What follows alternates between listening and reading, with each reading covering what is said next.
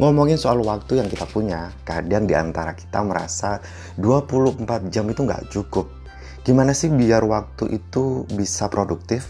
Nah, di sini gue Adi Haryanto akan mereview materi tentang Be the CEO of Your Hour Time by Zivana Leticia, Putri Indonesia 2008 sekaligus penulis buku Trik Juara Mengatur Waktu.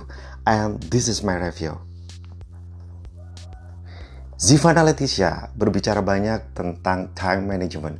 Bagaimana kita bisa mengatur waktu dengan sangat efisien. Waktu itu udah pasti 24 jam, 12 bulan, 365 hari. Jadi yang kita atur itu sebenarnya adalah self management.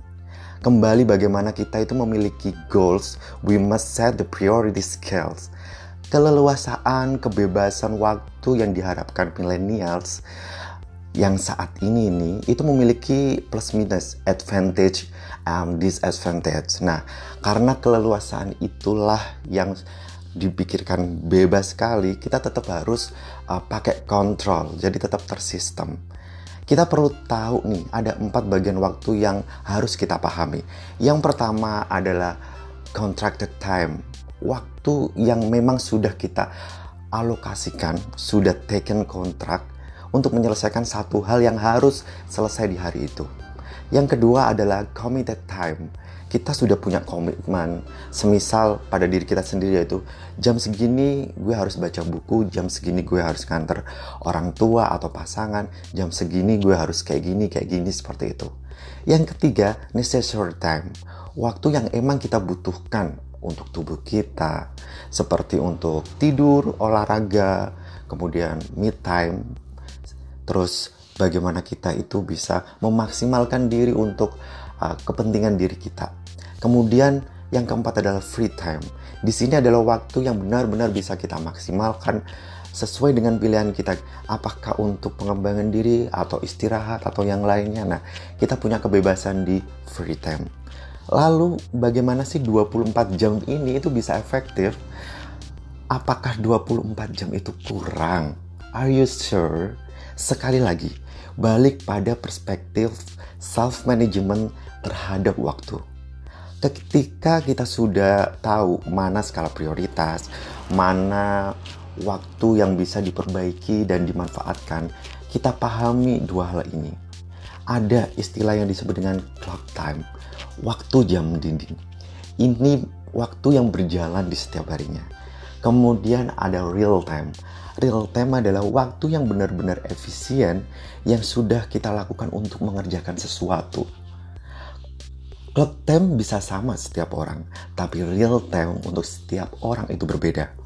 Memperbanyak kualitas real time seperti kita itu mempersiapkan opportunity yang akan ada di depan kita yang bisa kita dapatkan.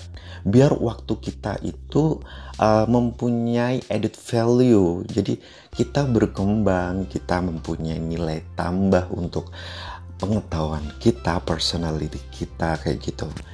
Nah, gimana sih cara menjadi produktif itu? Kita familiar sekali kan dengan kata the power of kepepet. Dan gue juga ngalamin hal itu. Lalu, apakah yang bisa membuat kita lebih produktif dan meninggalkan the power of kepepet itu? Yang pertama adalah the power of planning. Perencanaan yang baik akan menghasilkan hasil yang baik. Karena sudah ada preparing dari diri kita. This is about our life. Kenapa kita nggak menyiapkan segala sesuatu itu dengan baik untuk hasil yang baik dan itu untuk diri kita gitu. Terus yang kedua, ketika kita dihadapkan dengan, aduh gue bingung banget nih waktu habis, aduh ini belum gue kerjain, kita ingat, ada kuadran yang bisa ngebantu kita. Kuadran itu ada empat sisi. Yang pertama adalah urgent dan juga important. Kemudian urgent not important, important not urgent, dan not important and not urgent. Breakdown aktivitas kita di dalam situ. Kita bakal tahu mana yang harus dikerjakan sekarang, mana yang bisa ditunda, mana yang nggak perlu kita kerjakan. Biar pikiran kita itu juga lebih tenang gitu ketika kita udah tahu checklist mana yang harus kita selesaikan untuk tahu kita lebih produktif ini tambahan ya itu ya kita merasa kita coba hmm, bertanya ke diri kita Apakah kita sekarang sudah merasa puas menyelesaikan pekerjaan di hari ini? Apakah kita mencapai sesuatu? Ada achievement goals yang kita tulis bahwa oke okay, hari ini gue puas karena gue bisa menyelesaikan beberapa hal yang memang menjadi target. Terus uh, kita ngobrolin masalah hari yang menyebalkan. Kadang kita itu kan males kita sebagai pekerja kita bekerja 8 to 5 kenapa hari itu menyebalkan? Sebenarnya sih nggak ada ya. Biasanya orang itu paling benci itu kan hari Senin kayak gitu kan. Tapi sebenarnya ada nggak sih? Sebenarnya itu nggak ada. Kalau kita selalu semangat selalu excited kita berusaha untuk menyenangkan diri terus kemudian berangkat ke kantor dengan happy dan selalu punya statement di diri kita bahwa love what you do do what you love hari itu akan menjadi lebih berharga gitu. Nggak ada hari yang uh, namanya sia-sia gitu. Kalaupun kita sudah bosan, find something else yang membuat kita itu lebih merasa semangat gitu hari itu untuk berjalan gitu. Kalian suka apa, lakuin. Just bring your coffee in the morning. Smell each other. Selalu happy. Selalu ada passion. Kalau ada goals yang jelas, yakin deh, we love doing what we are doing mengatur waktu juga itu penting bagi kita untuk waktu itu lebih indah dan juga berkualitas.